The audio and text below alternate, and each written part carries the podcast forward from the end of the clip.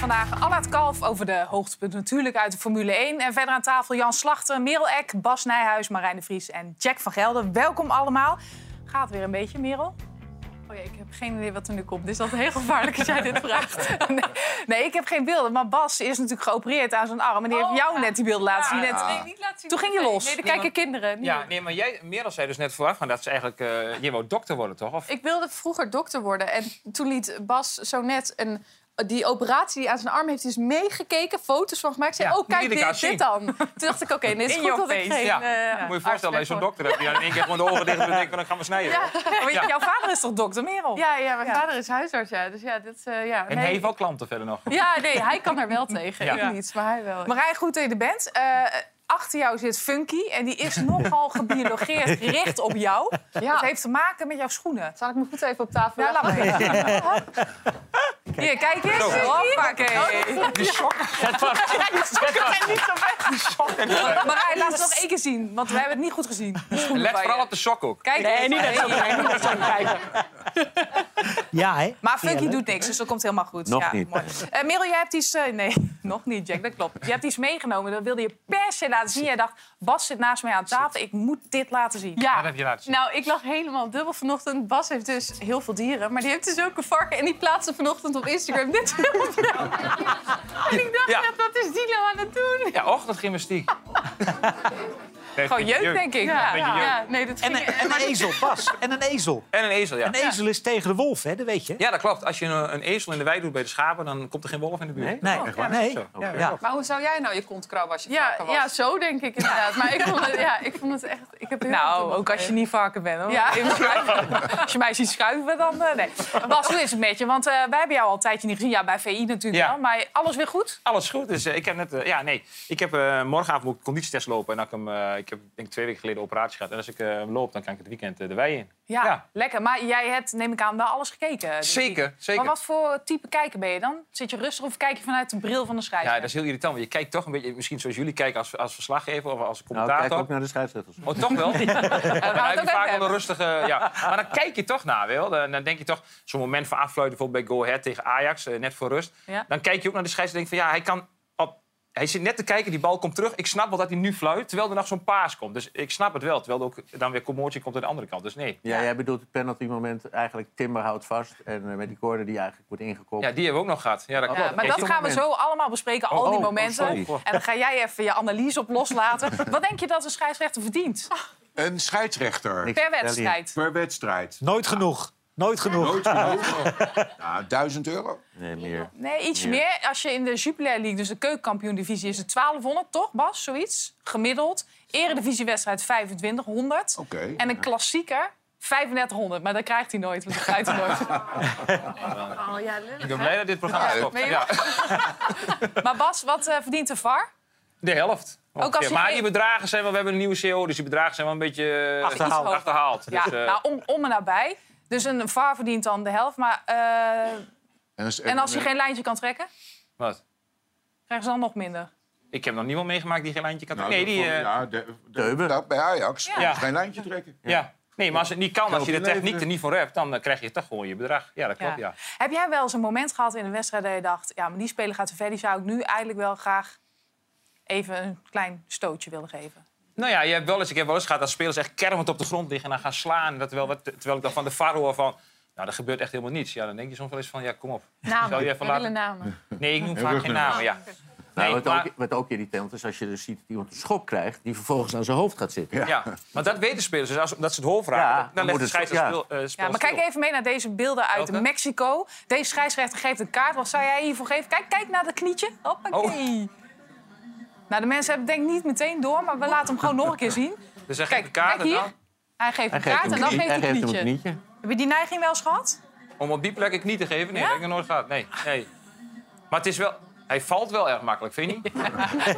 ja. Dat is een is Dus dat is in, ja. in totaal rood. Ja, Ja. hartstikke goed. Eh, Jack, Peter Bos, geen eh, trainer van FC Twente. kan ik me voorstellen, eh, ondanks het feit dat, eh, dat Twente een prachtige club is... denk ik dat Bos nog steeds eh, hogere doelen in zijn leven nastreeft. Zoals? Ja, in het buitenland. Hij is natuurlijk in het buitenland geweest. Misschien dat er op een gegeven moment een paleisrevolutie komt bij Ajax. daar is ook nog niet echt veel ingevuld. Misschien dat hij daarop op wacht. Technisch directeur?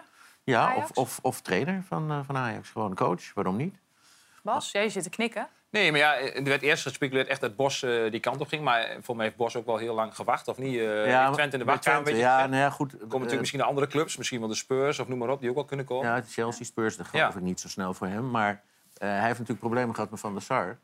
Eh, en daardoor lijkt ook de weg naar, naar Ajax versperd. Maar het is natuurlijk een prima vent. Zou jij hem graag terug willen zien, Jan? Want jij bent een Ajax-ziet. Ja, nou ja, maar dan, als dat het geval is... dan moet misschien meneer Van der Sar ook eens denken aan zijn positie. Nou, ik vond het wel aardig in de Telegraaf werd vanochtend eh, het vergelijk gemaakt tussen Van der Sar en Rutte. Ontzettend aardige mensen, Ja. maar leidinggevend en doortastend.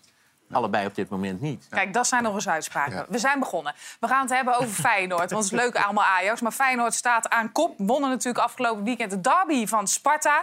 Eh, en Ajax speelde dus gelijk tegen Eagles. Dat, dat is lekker meer of Feyenoorder. Ja, dit Ja? is wel... Heb je je shirtje al uit de Hè? kast? Ja, nee, ja, sowieso. Ja, maar die cool single die wordt wel steeds, eh, komt steeds meer in zicht zo.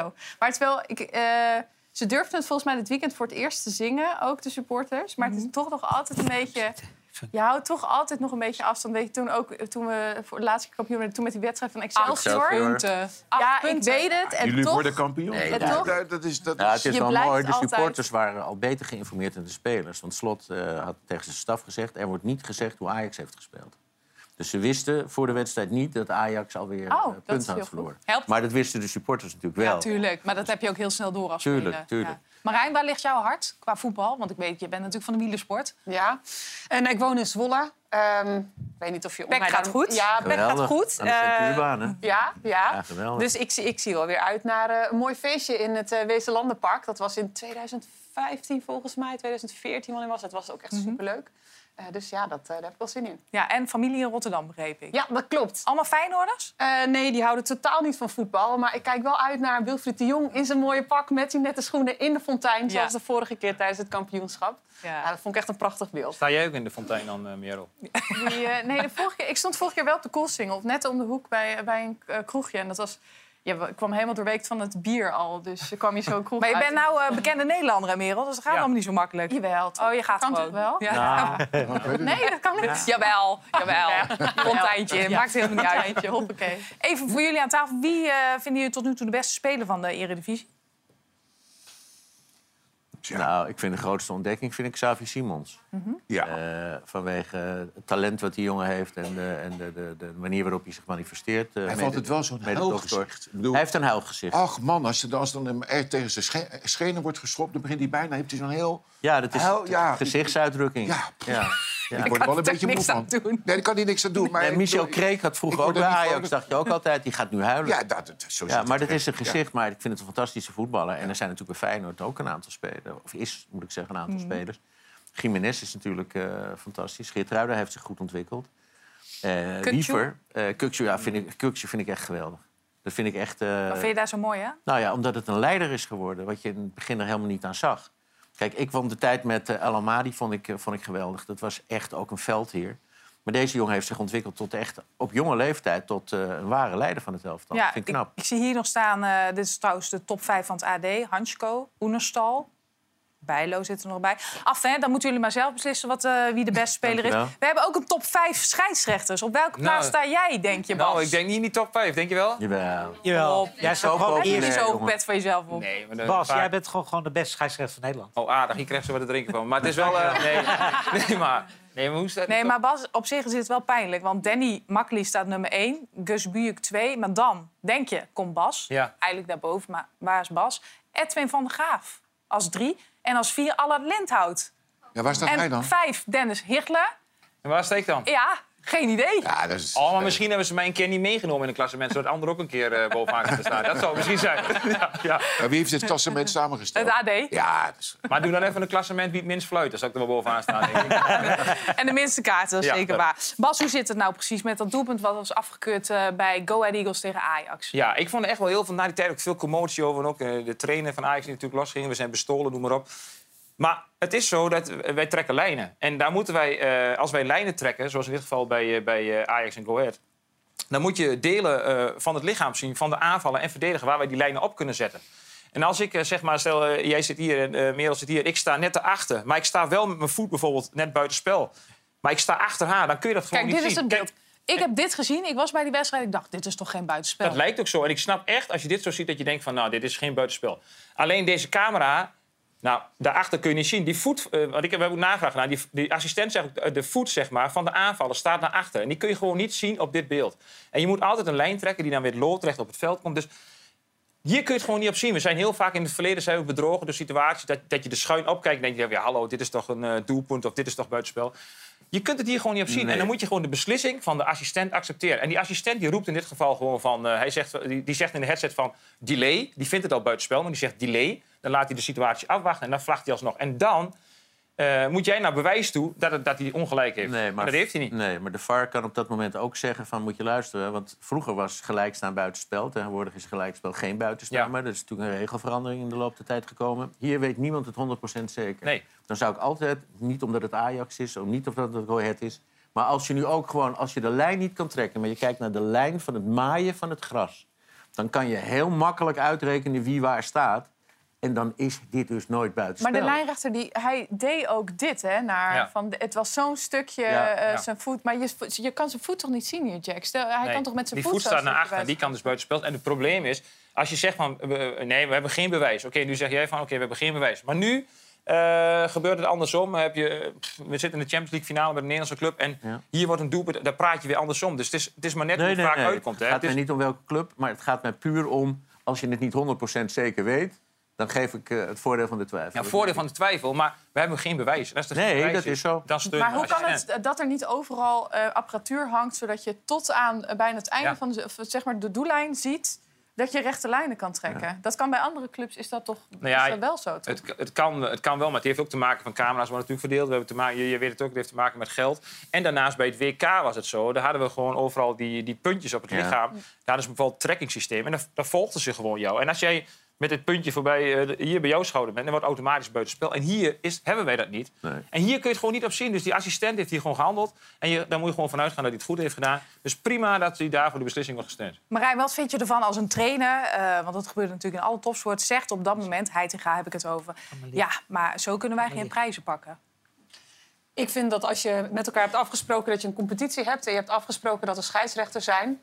dat je daar allemaal naar moet luisteren. Want anders dan kan je niet een verre competitie opbouwen. En inderdaad, de ene keer kan het zijn dat de scheidsrechter... net niet helemaal een goede beslissing neemt, de andere keer wel. Maar dat zijn helemaal de afspraken die je hebt gemaakt in het sport. Ja. Ja, over 34 wedstrijden krijg je natuurlijk allemaal je portie. En de ene keer zit het mee, de andere keer zit het tegen. Eh, ik word altijd heel moe van, van trainers of clubs die eh, het idee hebben dat ze gepakt worden. Nee, dat is, Daar is natuurlijk geen sprake van. dat is echt onzin. Nee. Vindt Funky het nog gezellig? Die is lekker aan het slapen. Oh, liefje. Dutty. Dukkie. Eh, Jan, er moet een nieuwe technisch directeur komen. Er is een hoop gedoe over. Wordt dan gezegd, ja, maar die zou komen. Die heeft afgebeld en die heeft gesprek gehad met eh, Van der Sar. Wie zou voor jou een goede technisch directeur zijn? Mark Overmars. Kan dat? Ja, in mijn ogen kan dat wel. Bedoel, Een tweede bij- kans. Ja, een tweede kans. Ik bedoel, eh, hij functioneert nu goed bij Antwerpen. Ik bedoel, sinds hij weg is, is, is er wel, zit er wel de klad in bij, bij Ajax. Wat Ja. betreft. Maar het gaat natuurlijk niet zozeer om zijn functioneren, maar om het feit eh, Ja, waarom hij weg is gegaan. Ja, nou, ja, goed, maar bedoel, moeten we hem dat tot in lengte van dagen nadragen? Ja, dat is mijn vraag. Nee, vind, ik, vind ik van niet. Ik vind dat hij een tweede kans verdient. Die heeft hij bij Antwerpen wel gekregen. En het zou fantastisch zijn als hij weer terug zou kunnen komen bij Ajax. En ik denk dat we dan hem een hele goede technisch directeur hebben. Hij heeft natuurlijk een enorme faux pas gemaakt, maar hij- er is geen aangifte tegen hem gedaan. Hè? Het- Er ligt geen van niets of niemand een aangifte. Maar het Nou, ik ben het hier toch echt niet mee Nee, het eens. ligt ik bedoel, het is hartstikke fijn dat hij weer aan de slag is. Maar wat zeg je nou eigenlijk tegen die vrouwen bij Ajax... Nee, die hem daar het weer eh, eens. neerzet? Ik vind dat je dat echt niet kan maken. Nee, Maar ze even doen het ook. ook niet, ze zijn er ook niet over Is er niet bezig. een andere Max, o, Max Mark Overmars? Die, want iedereen doet Peter hij- Bos. Als hij terugkomt... Nee, maar er zijn toch wel meer Mark Overmarsen? in dit? Dat weet ik niet hoor, dat vraag ik dan aan Nou ja, wat, wat Mark heel erg eh, had, is dat hij eh, handelsgevoel heeft, ook in zijn eigen leven. Want hij is bijvoorbeeld altijd met emaille borden en weet ik veel altijd bezig. Hij is altijd bezig geweest met handeltjes. En hij heeft natuurlijk bij grote clubs gespeeld, dus hij heeft een enorm netwerk heeft hij opgebouwd. Hij heeft 400 miljoen opgeleverd voor Ajax. Eh, en dat is natuurlijk gigantisch. Maar ik ben het met jou eens dat na zoiets wat er gebeurd is, is een terugkomst onmogelijk voor een beursgenoteerd bedrijf. En, en ook intermenselijk. Dus dat, dat, dat, dat ben ik eh, 100% mee eens. Is er een Ja, ander? goed, ik kan, ik bedoel, ik, snap je punt. Maar waarom zou... Ik weet niet hoe dat verder is gegaan. Maar stel dat, er, dat hij met, met die mensen praat. Ik bedoel, je moet er ook dingen kunnen vergeven. Je moet er ook... weer met elkaar door één deur kunnen gaan. Waarom zou, ik bedoel, als, dat, als hij niet bereid is om met die mensen te praten... misschien is dat wel gebeurd, dat weet ik niet. Maar dat zou toch een mogelijkheid kunnen zijn? Nou, als al die mensen uit het eh, diepst van hun hart kunnen zeggen... ik voel me er totaal oké bij dat hij weer terugkomt... dan kan ik me voorstellen dat de situatie ontstaat dat dat kan. Maar alleen dan. Ja. Ik denk niet dat het aan Mark Overmars is. Ik denk dat het Nee, eerder aan de dat ben ik mensen met je Dat dit ben ik gaat met je eens. is. Maar stel dat dat zou gebeuren. Ja. Ja, Ja. dat zou een ja, als dat gesprek eerlijk en oprecht... en iedereen durft ook echt te zeggen wat hij vindt... als dat plaatsvindt en iedereen zegt, hè, zand erover... ja, tuurlijk, dan verdient iedereen een tweede kans. Dan mag het van mij ook. Eh, maar als er ook maar één eh, zich er niet fijn bij Niet voelt... veilig bij ja. voelt, dat ben ik met je Dan eens. is het een Helemaal mee eens. Overigens, wat opmerkelijk is, eh Ruud Gullit had het er laatst over... en ik heb het nog even bij hem gecheckt vandaag. Clarence Seedorf heeft eh, anderhalf jaar geleden gezegd... dat hij eh, eventueel beschikbaar zou zijn. Maar wat voor ervaring heeft Clarence Seedorf? Clarence in? Seedorf heeft net zoveel ervaring als Overmars toen hij eh, binnenkwam. Eh heeft ook een waanzinnig netwerk. Heeft natuurlijk, eh, spreekt zijn, zijn talen. Kent heel veel mensen. Eh, heeft eh, de Ajax-roots in zich, zoals Overmars dat ook had. Maar het opmerkelijke was dat hij, eh, nadat hij had gesolliciteerd, zeg maar, of gezegd ik ben beschikbaar, hij helemaal niks had gehoord. En eh, toen hij na een tijdje zei van, eh, althans mensen namens hem, van eh, wat is er nou aan de hand? Toen heeft hij een briefje gekregen dat het uiteindelijk niet doorging. Ja, dat vind ik buitengewoon eh incorrect. Ja. Ja, als je iemand niet wil, maar met zo'n statuur... kan je in ieder geval zeggen, kom een kop koffie drinken... en we gaan erover praten. Maar we zoeken iemand anders met een ander profiel. Maar ik mag toch niet hopen, deze meneer... die uit Duitsland gaat komen en nu op de lijst staat... die helemaal niets gepresteerd heeft. En eh, Duitsers hebben ook nog nooit iets gepresteerd eh, bi- binnen Ajax... behalve Horst Blankenburg. Nee, maar het is zo. Nooit. Ja, maar Jack, die gaat Duitsers veel te ver. Mensen die nou zitten kijken, die denken geen idee wie die Duitser Nee, is. er- zijn mensen die, die zeggen nu... God, dat hij nog niet die Horst Blankenburg was. Ongelooflijk. We gaan eh, weg van het voetbalgeweld. We gaan naar die prachtige ronde Vlaanderens mooiste... waar echt alles in zat. De Ronde van Vlaanderen was er weer eentje om nooit te vergeten. Onverwachte valpartijen. Veel strijd en een spannende finish. Na ruim 273 kilometer kwam de Sloveense Tadej Pogacar solo over de finish van Vlaanderens mooiste. Hij bleef onze eigen Mathieu van der Poel slechts 16 seconden voor. Pogacar won al drie keer eerder in zijn carrière een wielermonument. En hij won natuurlijk twee keer de Tour de France. En dat terwijl hij pas 24 jaar oud is. Wordt Tadej Pogacar de nieuwe Eddy Merckx? Ja, dat is een beetje de centrale vraag. Marijn, je hebt natuurlijk een topdag gehad gisteren. Jij was Ja. bij de Belg. Dat is een eer op zich dat je daar mag zitten. Omschrijf dat eens even. Ja, de Ronde van Vlaanderen is in België wat hier de Elfstedentocht is. En dat is dus echt wel de belangrijkste dag van het jaar. Alle Vlamingen zitten dan voor de televisie. Of althans, ik heb net eh, de kijkcijfers gezien. Er zijn ongeveer 6,5 miljoen Vlamingen. Ja, kijk, daar zit ik dus, hè. En dat is dus als, als Nederlander, als je daar mag zitten... Ja. eh, en daar analyse mag doen, dat is eigenlijk wel gewoon het hoogste van het League. hoofd. Ja, Ja, Champions, Champions League.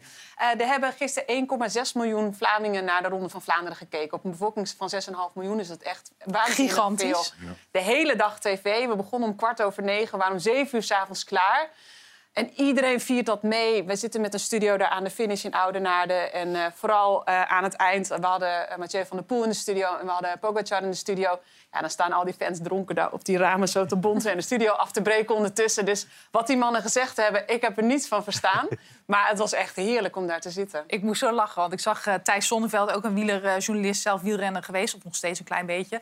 Die zegt, ik ben kapot. Ja, was Alleen al door te kijken. Ja. Had jij dat gevoel ook? Ja, ik had dat gevoel ook. En ik was daar ook echt ook nog om het vrouwenwielrennen ook te analyseren. Dus de vrouwenronde van Vlaanderen. Dus ik was ook twee wedstrijden tegelijk aan het volgen. En ik was vannacht om één uur thuis. Ik heb ook niet zoveel geslapen vannacht. En als ik dan denk aan gisteren, dan weet ik niet eens waar ik moet beginnen met wat er allemaal gebeurt. Ja, nee, dat was mijn vraag. Ja. Wat een race, waar moeten we beginnen? Ja, nou ja, wat dus eigenlijk bijna nooit ge- eh, gebeurt... is dat het helemaal in het begin al aan stukken lag. En dat Mathieu van der Poel daar al achter de feiten aanreed. Dus op het moment dat iedereen nog een uh, zondagswandelingetje aan het maken buiten was... gebeurde er al van alles. Uh, en dat is de hele koers zo doorgegaan. Met inderdaad vreselijke valpartijen. Uh, maar ook allerlei momenten waarin we dingen rechtgezet moesten worden. En ja, zo'n wedstrijd, dat is echt 150 verhalen op zich. En Ja. gisteren was wel echt uh, extreem. We gaan er een paar uithalen. Um, vrijdag hebben we het aan tafel daar ook over gehad bij VI. Over wie gaat er winnen. Ik zou Mathieu van der Poel. Heeft hem al twee keer gewonnen. Maar eigenlijk kwam die uiteindelijk niet in een stuk voor. Het was gewoon Pogacar. Ja, nou moet ik wel zeggen, Van der Poel die heeft het wel geprobeerd. Ja. Uh, die uh, heeft een poging gedaan om weg te rijden. Maar ze hebben dan in België ook, dat heet eh, de E3 Harelbeke. Dat is een wedstrijd, wordt gezien als de kleine ronde van Vlaanderen. Eigenlijk dezelfde hellingen, maar 70 kilometer korter. En daarin zag je al precies wat er in deze wedstrijd zou kunnen gebeuren. Dus hè, wij hopen natuurlijk op Mathieu van der Poel. In België hoopte iedereen op Wout van Aert. Tuurlijk, ja. Maar je kon daar al wel zien dat Pogacar echt de allersterkste was op de zwaarste helling in die ronde. En dat is de Oude Kwaremond. Ja. Dat was nu ook zo. Dat is een helling die is best wel steil. Eh, er liggen kasseien waar normale wielentoeristen als ik op elke steen blijft haken. Mhm. Hij reed erheen, eh, overheen alsof het eh, de A1 was. Ook met die snelheid. Ja. Nou, niet te geloven. Maar daarom zet ik het ook een beetje zwart-wit aan. Hij komt niet een stuk voor natuurlijk, want hij is Ja. tweede geworden. Dus hij deed het hartstikke goed. Eh, jij hebt ook zitten kijken, toch, Jack? En jij vindt die Belgentaal zo mooi. Nee, ik heb een hele bijzondere dag gehad. Eh, ik heb eh, namelijk, ik ben in, eh, vanwege zon, ik ben ook een beetje gek op, buiten gaan zitten. En ik heb dus eh, tv gekeken op, een- op een klein scherm. Met een sigaar? Eh, Feyenoord, ja, zo'n grote sigaar. Die sigaar was groter dan het scherm. Eh Feyenoord-Sparta, waar- of Sparta-Feyenoord, waar ik geweldig van genoten heb. Maar ik heb naar de Belgen ook geluisterd gisteren. Ja. En eh, dat is zo een poëzie. Dat is zo mooi. Dat is zo... En niets ten nadele van de commentatoren in Nederland.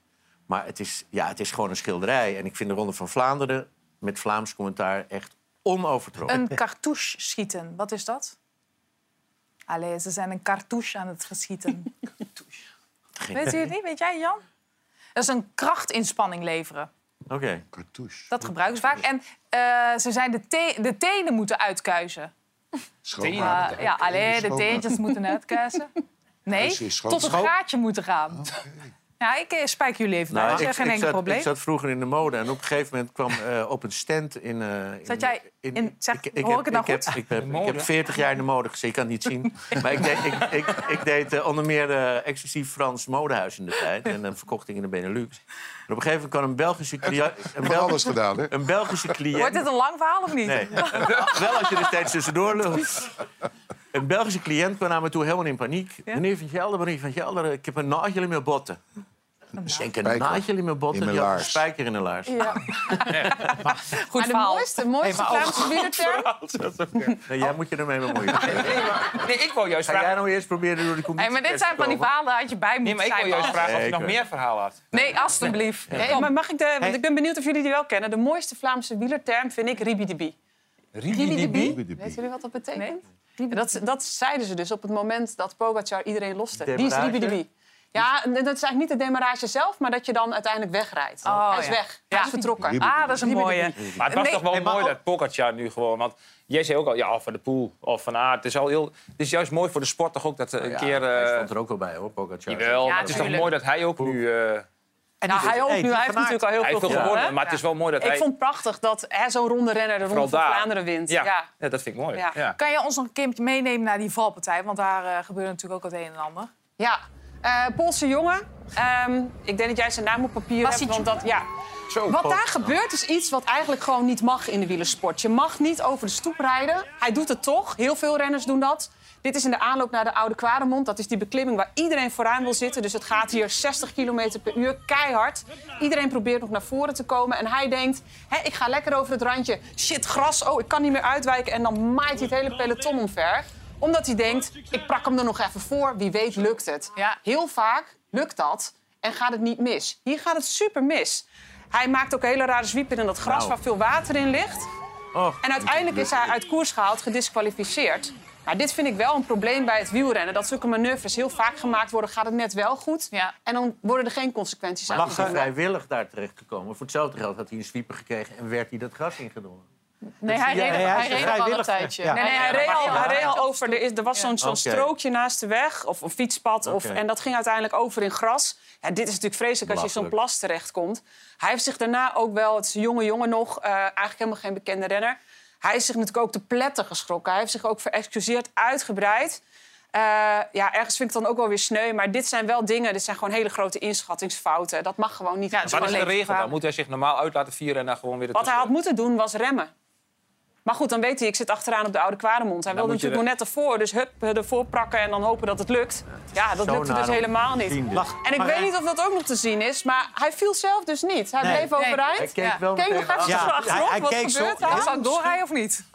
Ja. Dat is wel je reflex bij een valpartij. Dat leer je ook doorrijden. Maar hij had volgens mij wel door, dit was wel ernstig. Want hij keek achterom, hij stopte ook half. Ja. Ja, dit Kijk, hij rijdt hier. Dit is zo zonde voor de wedstrijd. Want hier vallen een aantal jongens die gewoon heel belangrijk waren. Ook voor het vervolg. Er zijn ook Van Aert. blessures. Van Aert is daar erbij? gevallen. Hij was gelukkig nog wel redelijk oké. maar bijvoorbeeld Tim Wellens, dat is eh, een van de ploeggenoten van Pogacar... die viel daar, brak zijn sleutelbeen op twee plekken. Ja, dit zijn gewoon valpartijen die, hè, die zijn te voorkomen... als iedereen een beetje normaal doet. Maar ook als de regels wat beter gehandhaafd Maar worden. over Van Aert gesproken, het is natuurlijk een Belg. Voor hem eh, is er eigenlijk maar één groot doel. En dat is gewoon deze Ronde van Vlaanderen Ja. winnen. Hoe frustrerend is het ook voor die Belgen dat het niet lukt?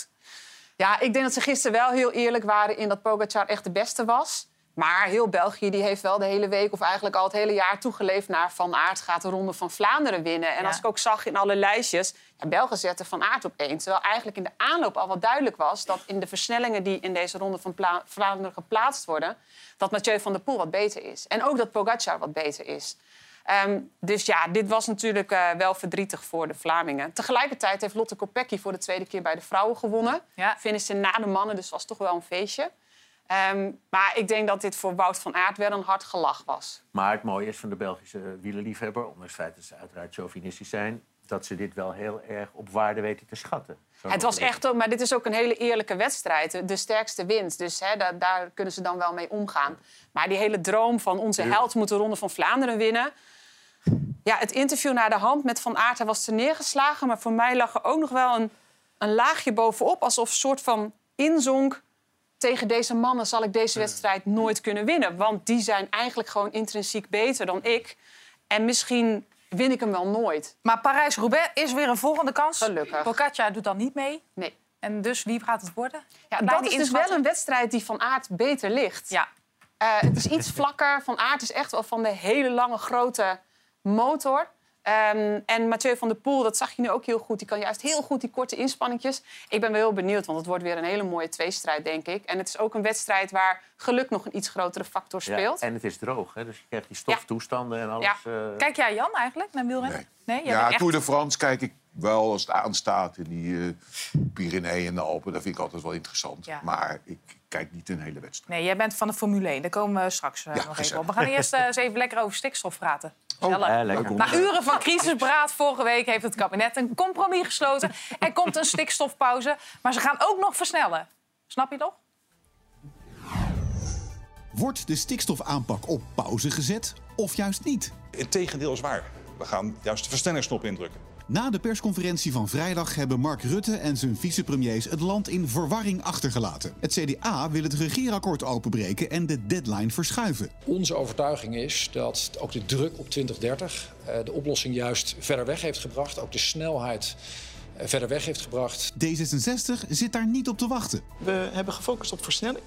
Eh, de, de afspraken van het coalitieakkoord staan. Het stikstofbeleid is daarmee uitbesteed aan de provincies. En laat daar nu uitgerekend de BBB van Caroline van der Plas de grootste partij zijn. Morgen debatteert de Tweede Kamer over de uitslag van de provinciale statenverkiezingen. Een voorstel van GroenLinks. En daarom denk ik dat het heel verstandig is om hier in de Tweede Kamer hier een duidingsdebat te hebben over wat deze uitslag eh, betekent voor het land. Hoe lang weet Rutte zijn kabinet nog bij elkaar te houden?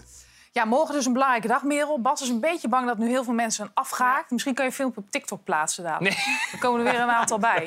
Daar ben je heel goed in, heb ik Nee, is begrepen. goed. is ja. goed.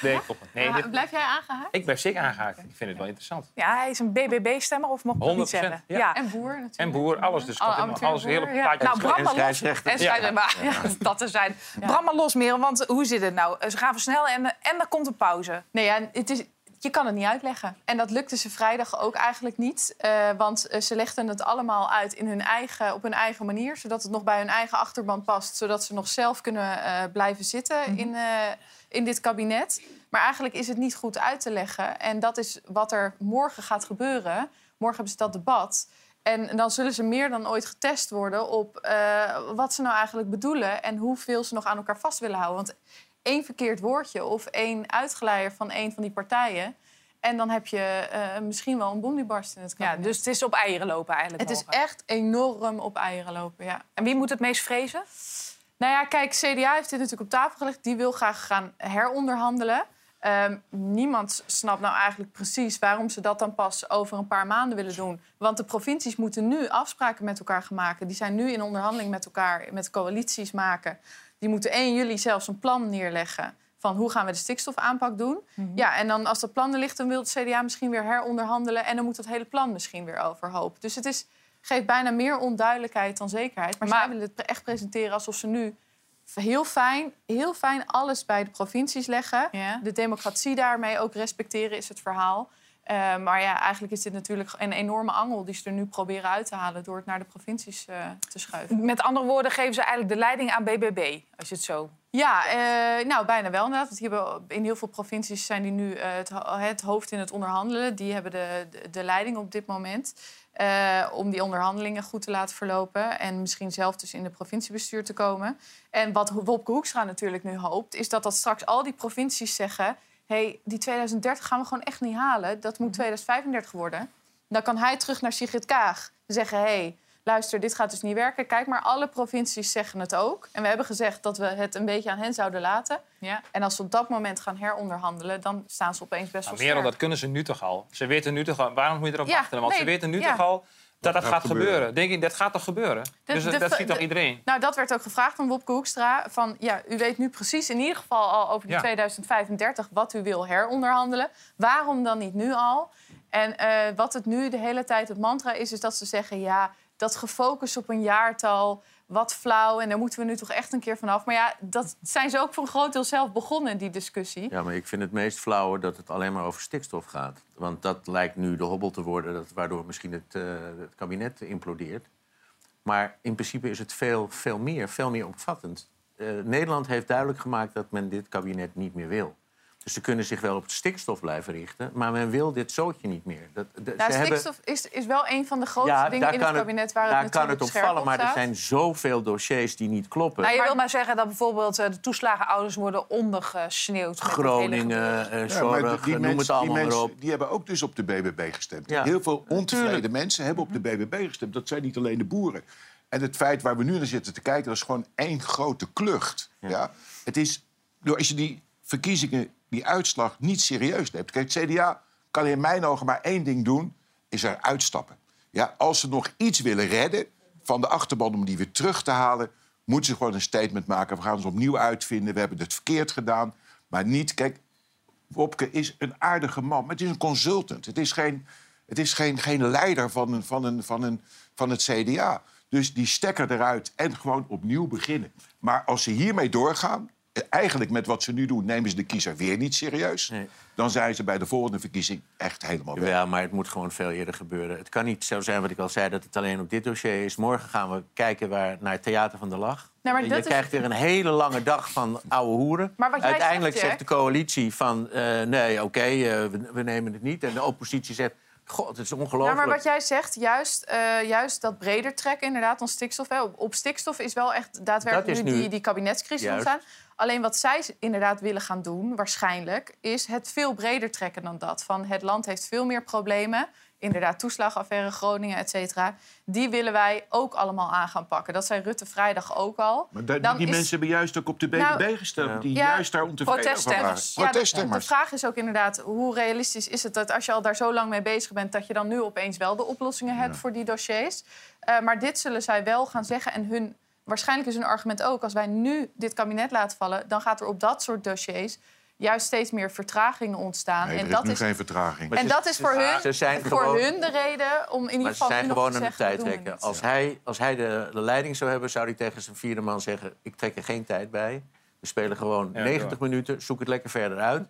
Want er wordt alleen maar tijd gerekt. Ze willen nu in de komende Nee, maanden... zeker. Ze willen de komende maand Er tot de zomer. Tot de zomer. Dan krijg je het zomerreces. Dan zitten we in september. Dan is er nog niks opgelost. Waar zij op hopen is dat de BBB het in de provincies niet voor elkaar En wie staat er dan buitenspel? Precies. Dat kunnen we niet moet- zien, denk Het ik. kabinet moet Niet zo serieus. Jawel. Dat is een grapje. Nee, ik, ik hou niet van die grap. Maar wat ik wel vind, eh, Jan, dat vind ik wel. Kijk, we hebben nu, er wordt ook wel gezegd, we hebben, er zijn, natuurlijk zijn er proteststemmen bij bij de BBW. Maar ik denk dat je de partij wel tekort doet door te zeggen dat alleen maar proteststemmen zijn. Want ze hebben Nee, echt nee, wel een nee, maar plan. dat niet, het en hebben heel veel en, mensen ook wel gestemd op BBW Zeker. voor echt voor het plan wat ze hebben. En Ja. niet voor, omdat het een protest is. Nee, denk nee, ik. maar ook Nee, het maar plan. het maar, kijk, het gaat natuurlijk heel veel over stikstof. Ik bedoel, dat wordt dus denk ik dit afgelopen jaar nog nooit Ja, zo- gevallen. ja. Eh, maar heel veel mensen hebben heel veel sympathie voor het BBB.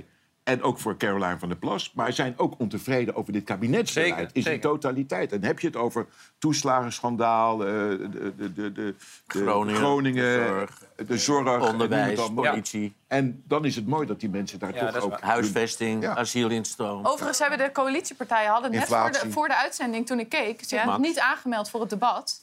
Je hebt een spreker. En wat zegt dat? Nou, ze gaan. Ik heb wel even gecheckt bij een paar partijen, eh, eh, CDA, D66. Ze gaan wel meedoen aan het debat. Ja. Maar eh, bij de ene hoor je zeggen ze, ze doen het als laatste, zodat ze echt pas als laatste in het debat aanwezig zijn, zodat ze hopen dat ze minder misschien worden aangevallen of dat er al journaals zijn geweest, zodat het niet meer mee kan in het journaal. En de ander zegt, ja, ze zijn nog aan het bakkeleien wie van de vier als eerste moet en wie van de eerste dus er vol op Tactiek. wordt. De- het is heel opmerkelijk dat precies Ja. die vier partijen zich als laatste aanmelden voor het. Ik wens jou heel veel We worden succes gewoon, we morgen. worden gewoon met z'n allen, zoals we hier zitten, zoals in heel Nederland, verschrikkelijk in de maling genomen.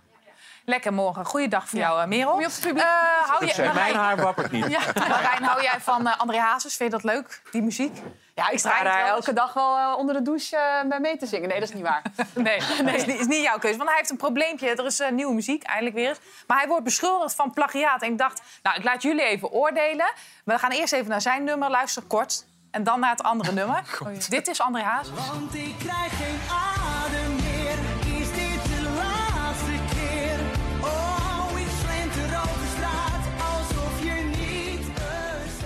het gaat er even niet om of je dit mooi vindt of niet. Maar luister dan naar het volgende nummer van Kevin DeGraw. En let op de vergelijking.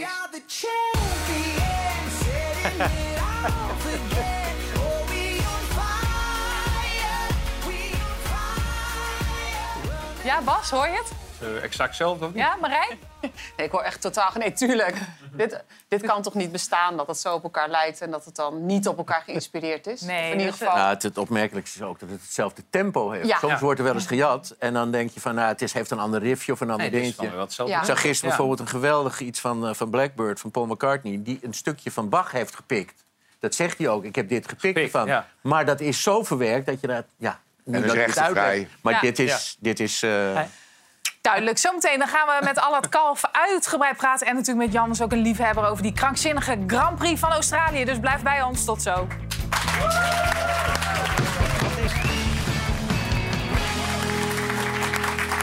Welkom terug. Bas, zit jij, eh, jij zit veel in de auto. Heb je al getankt? Getankt. Ja? Ik, ik denk, als ik hier naartoe moet, moet ik al drie keer tanken. dat is echt waar, hoor. En omdat jij nou natuurlijk niet kan verdienen, omdat je niet eh, kan fluiten... mag je Nee. hier vijf dagen per week zitten. Vijf dagen Vijf per week. dagen. Echt? Ja? Lijkt me een uitstekend idee. Oh, dat vind ik hartstikke nee, maar ja. benzine wordt duurder, hè? dus hou er rekening mee. heb Dus ik zou vanavond... Oh, groetjes. dan gaan we weer door. Ik hoorde zelfs van, je moet, kan beter vandaag tanken dan morgen. Dat klopt. Ja. Ja, het gaat over de 2 euro. Ja. Maar die van mij rijdt 1 op 6, hè? Ja. Dat is echt zo'n... eh, Slurpen, joh. Slurpen, dat ding. Ja. Nou, maar Heb die- jij- ook die scheidsrechter. bureaus zijn niet aan. Hoe laat heb jij je wekker gezet eh, gisteren? Eh, kwart voor zeven. Ja? Ja. En niet lekker nog even snoezen? Nee, nee, kwart voor zeven eruit. Kop koffie gezet en eh, ja, op de bank gaan zitten. Genoten? Ja, echt fantastisch. Ja. Kijk, ik dacht in eerste instantie... ja, dit wordt een wedstrijd waar Max Verstappen gewoon 60 rondjes... eh, op, op, nummer, op de eerste plaats rijdt. Maar dat was natuurlijk helemaal niet zo. Nee. Het was echt spannend. Het was niet zo spannend als de wedstrijd toen hij wereldkampioen werd. Zo'n wedstrijd krijgen we nooit meer. Maar dit was chaos. Dit, Dit was gigantische chaos. Ja. En voor de echte fans, net als Jan, was het dus heel vroeg gisteren. Want om 7 uur 's ochtends vond dus de derde race van het seizoen plaats in Australië. Melbourne, wat brengt het Max Verstappen? Hij is hier weg van pole position, maar denkt supergoed weg. Russell pakt de leiding. Gaat het mis voor een van de Ferraris, dat is Leclerc. We krijgen een, soort start-stop-wedstrijd op deze manier. Wie is er goed weg? Het is Hamilton die goed weg is. En weer niet lekker weg Verstappen. En vervolgens is daar de Vries die door de lucht in gaat. Erop en erover en er nu vandoor Max Verstappen. Geweldig gedaan. En het is Russell. Een heuse slot. Agnussen? Ja, een wiel kwijt. Ben rood. Rood. En de derde keer dat we van start gaan. Hamilton is goed weg. Verstappen houdt hij de leiding. Hopen dat het goed gaat. Perez gaat eraf. Ook de Vries in de ronde. En ook Alonso in de ronde. Ze gaat een hele hoop mis daarachter in het veld. Maar Verstappen die leidt. Safety car. Yeah, that's a really good weekend for us. Hij gaat de historie in, deze wedstrijd. Hoe heeft het in Australië zo mis kunnen gaan? Nou, dat hij de historie ingaat, dat is één ding wat zeker is. Bas, jij bent natuurlijk scheidsrechter, een man van de regels. Ja. Hoewel. Hoewel. Nou, anyway, Ja. maar snapte jij de regels hier? Nee, ze zitten bij ons wel eens te klagen dat er veel interpretatie is. Maar als je naar Formule 1 kijkt, je hebt totaal geen idee wat er gaat gebeuren. Het lijkt wel of het elke keer eh, of het weer anders is. Of niet? Of, of lijkt dat zo? Of tenminste... Ja, het lijkt wel zo. Het, is, het, is, het, het, het rare van de regels is wel dat ze gisteren ook... Je kan vier dingen doen. Je kan, je kan eh, de race stoppen en zeggen, dit was het. Je kan zeggen, we stoppen nu eh, en we gaan verder achter de safety car. We stoppen, we gaan verder met de staande start. Of we blijven achter een safety car rijden. Hè, dus je hebt vier opties. Nou, ze kiezen bij de FIA altijd voor eh, sowieso een rode vlag inmiddels. Want dat is het veiligste, want veiligheid voor alles. Nou, na het debakel in Abu Dhabi mag er niet meer achter een safety car gefinished worden. Want dat eh, willen de teams niet hebben. De teams willen ook niet dat, eh, dat er eh, vroegtijdig gestopt wordt. Want dat is voor de fans slecht. Dus dan, gaan ze, dan is het, eh, we gaan nog vier ronden racen. Ja, dan krijgen ze een zootje als dat het werd. En, en dan krijgt de wedstrijdleiding de schuld. En dan denk ik, ja, dat is ook niet helemaal eerlijk. Want hè, jij, Bas, Bas die moet ook de regels volgen. En je kan het wel niet eens zijn met de regels. Maar ja, je moet ze wel volgen als scheidsrechter. Dus dat hebben ze gedaan. Dus die wedstrijdleiding, die kan ik eigenlijk niks eh, eh, verwijten. Maar hadden ze de chaos kunnen voorkomen, een klein beetje? Nou ja, je kan het voorkomen door gewoon achter een safety car te eindigen. Waren die rode Hè? allemaal nodig? Ja, dat, dat is achteraf altijd de vraag. Hè? Eh, maar als je daar zit en er gebeurt zo'n ongeluk... eh, ze, ze hebben echt op een of andere manier is het veiligheid boven alles. En veiligheid is het belangrijkste wat er is. Dan is het wel het veiligst om er even te stoppen. Uiteindelijk heeft het allemaal te maken met respect. Want als die rijders nou eens gewoon respect hebben voor gele vlaggen... als er zo'n ongeluk is en iedereen zegt... oké, we gaan van ons gas af en we doen even rustig... Dat, dan kan, kan ook aan zijn auto gewerkt worden... terwijl de andere auto's op de baan rijden. Maar dat mag allemaal niet, want iedereen rijdt veel te hard door. Er wordt eigenlijk toch geraced, er wordt er weer geklaagd. Dus zegt ze, nou, dan doen we rode vlag. Dan kunnen we rustig een beetje werken. En dan, eh, als we klaar zijn, gaan we weer Als verder. er een gele vlag is, dan mag je een maximum snelheid... Nou, dan mag je niet inhalen en moet je rustig rijden. hè. En als het dubbel geel is, dan moet je zo langzaam rijden... dat je altijd moet kunnen stoppen. Maar ja, dat is natuurlijk een En beetje... blauw dan, want ik heb ook wel eens gekart. Dan Ja, bleef ze maar zwaaien met die blauwe vlaggen. Wat is dat dan? Ja, dan, dan, eh, dan, dan word je ingehaald, Bas. Dus, Oh, dan moet je iemand voorbij laten gaan. Nee, maar goed, al, uiteindelijk, ja. uiteindelijk vind ik die rode vlag niet eens zo erg. Want dan kun je even rustig Dan gaat alles de opruimen. steengrill aan, hoor ik. Ja. Gaat de steengrill aan? Oh, oké. hij had altijd de blauwe vlag, dan moesten ze inhalen. Hij zei, dat had ik altijd. Ja, dat ging niet hard. Maar ik zie Bas al zitten in zo'n karretje. Hij steekt helemaal Ja. bovenuit. Op de Nou, baan. maar om een lang verhaal kort te maken. Die, die staande start na zo'n rode vlag, dat vind ik wel een beetje raar. Maar ja, de reglementen zeggen dat het kan. De teams willen het graag. En als je de regels laat maken door de deelnemers, dan wordt het vanzelf zo. Maar het was, het was fantastisch door alles wat er eigenlijk gebeurde. Want als je een race hebt dat je 60 rondjes, wat jij zegt, verstappen aan de leiding... dan vinden we prachtig als Hier, Nederlander. kijk dan eens krijg je weer. Wilhelmus. Let op. Maar er gebeurde zoveel dat het voor iedere liefhebber... maar ook voor iedereen die denkt, ik ga eens een keer kijken... spectaculair was, ook door de klappers en de Dit was dingen. wel heel en, gaaf. en het, eh, ja, Dit was... eh, Ja, behalve als je voor Alpine bent, dan was Ja, het... die twee Ja, die en allebei, als eh, je niet Ja, te fris als bent, je, is als het je ook dan wat die, die rode vlag hebt, die laatste rode vlag, dan moeten ze nog... Mogen ze niet inhalen en dan zie je Max Verstappen finishen. Ja. Normaal gaat hij altijd Ja. even op de auto Nee, maar- staan. maar- dat was een enorme deceptie. Nee, maar Jan, dat is ook zo. En dat ben ik heel met je eens. En ik vind eigenlijk, eh, na, die laatste ro- eh, rode, eh, na dat laatste ongeluk van Magnussen... had gewoon lekker een safety car gedaan. Had die paar rondjes gereden, finishvlag, podium, iedereen blij. Maar dan komen de teams die zeggen, dat willen we niet. Ja, en Kijk, dan dit is laat dat de moment. organisatie, Ja. Kijk ja, eens, kijk laat de organisatie de oren hangen naar, eh, naar de teams. En dat is natuurlijk te belachelijk voor woorden. Dus Zo. de fout, Ja. de fout zit bij de reglementen. Ja, het feit dat je ook kunt kiezen uit vier verschillende opties... is natuurlijk al gek. Hij heeft maar één optie. Hij kan niet zeggen, nou ja, ik geef hem... En, niet en zelfs die gebruikt En hij. zelfs Ja, die gebruikt hij die zeker niet. Dus, ja. En, zelfs, en zelfs hij krijgt iedereen. Nee, maar ze heeft echt gelijk wat ze nu zegt. Nee, maar ze- En zelfs Maar ik, ik, zeg niet alleen maar domme dingen. Nee, nee. Dat weet je nou ondertussen toch wel. Uh, Allard, eh, Lewis Hamilton, is hij ontketend of was dit een toevalstreffer eh, gisteren? Ik ben bang dat eh, als je de historie van de Grand Prix van Australië bekijkt... dat er zijn altijd auto's die daar heel goed gaan... en die je dan de rest van het jaar toch wat minder ziet. Dus we moeten even afwachten. Ja. Hè, zullen, we, zullen we zomaar... Is goed, prima. Alonso? Ja. Voor de derde keer op rij. het podium. prachtig podium, hè? Leuk, hè? Prachtig podium. Het was een prachtig podium, maar ik Ja. ben wel bang dat het voorlopig zijn laatste Maar je is. ziet ook dat. Verstappen natuurlijk wel een beetje veranderd is. Hè? Bedoel, dat zei hij zelf ook. Hij is wat voorzichtiger geworden. Hij heeft zoiets van, nou, dan halen ze maar in. Maar ik haal ze toch wel bij de zevende, achtste ronde, achtste ronde haalden ze maar in. Ik heb die snelste. Ja, wel Hamilton, hoewel Hamilton, denk ik, dat had, had hij niet helemaal opgerekend dat die voorbij kwam. Maar Russell, die... eh, Begin dacht ik, ga lekker je gang. Ja, ga je gang. ja, Ik- want ik- die, die had ook al gezegd, ik wil kosten wat het kost eerst. Dan, eh, Hij neemt minder risico, toch? Ja. Maar jij zegt net, Alonso, die zien we niet meer terug. Hoezo niet? Die, hij doet het toch fantastisch? Hij heeft drie keer een podium. eh. Ja, maar eh Perez was er nu niet. Eh, die, was even, die had zich even niet gemeld. Leclerc had zich even niet gemeld. Eh, Ja, maar Ferrari is natuurlijk... Russell, Ja. Russell, Russell viel uit. Hè? Eh, dus, dus Ja. Marijn, denk je nou, waar gaat het over? Of volg je het ook een klein beetje? Ja, maar ik heb gisteren natuurlijk echt helemaal niets van Nee. gezien. Want ik zat al in de visagie Oh. voor de Ronde van Vlaanderen. ik, heb wel, ik heb wel naar het wielrennen zitten kijken, hoor. Ja, maar dat was daarna, hè? Ja. En ik word hier ook de hele tijd afgelikt door jouw hond. Dus ik ben eigenlijk ook gewoon... Dat vind ik nou wel weer... Ja. Heeft die hond te snel hier? En wat mij betreft mag je een keer in bad, hoor. Godverdomme. Een rottende mot naast me. Nee, joh. Ja, maar is wel Doe maar aan. Dit is is hartstikke lief. Nee, man. heel lief. Ja. Maar ik ben blij dat daar zit. Ja. Dit is een hele rare laatste uitzending voor Kijk. mij. Dat kan ik je wel vertellen. Ah, funk. lief. maar. Ja. lief. als, je, als, je nou, als je nou niet bij Jack Doe maar mag, dan deze kom je maar gewoon. Nee, Ja. geen probleem. Zet hem maar lekker op Doe tafel. maar hier naartoe, hoor. Kom maar. Zeg, eh, Jan, eh, je mag eh, met de step niet meer in Parijs, hè? Maar. Nee, Elektrische step. nee, ja, jammer. En ben je groot liefhebber van, toch? Nou ja, ik was een keer in Parijs, eh, in september geloof ik. Toen waren we met een eh, groepje van Max daar. En toen moest ik van eh, A naar B. Dat was best wel, ik keek even op de app. Ik dacht, nou, dat is wel een rot aan het lopen. Ik huur zo'n stepje en dan creditcard. En dan Water. langs, nou, daar ga ik. Langs de Ja, dat is serre. top. Ja, en eh, die hebben ze stiekem gemaakt van me, collega's van mij. Ik had het niet in de gaten. En dan eh, zet je dat stepje weer ergens neer. Maar ja, het, is, het schijnt wel gevaarlijk te zijn. In Spanje moet je een helpje dragen. Ja. In, Ik heb zo- Barcelo- in Barcelona heb ik ook, als ik in Barcelona ben, dan hebben we ook eh, de hele dag met zo'n ding Ja, ik vind het ook ideaal. Ja, Maar een dus- step gaat jou goed af. Een scooter gaat jou iets minder goed af. Een scooter, hoezo? Ja, dan gaat je iets minder goed af. Was jij dit, Jan?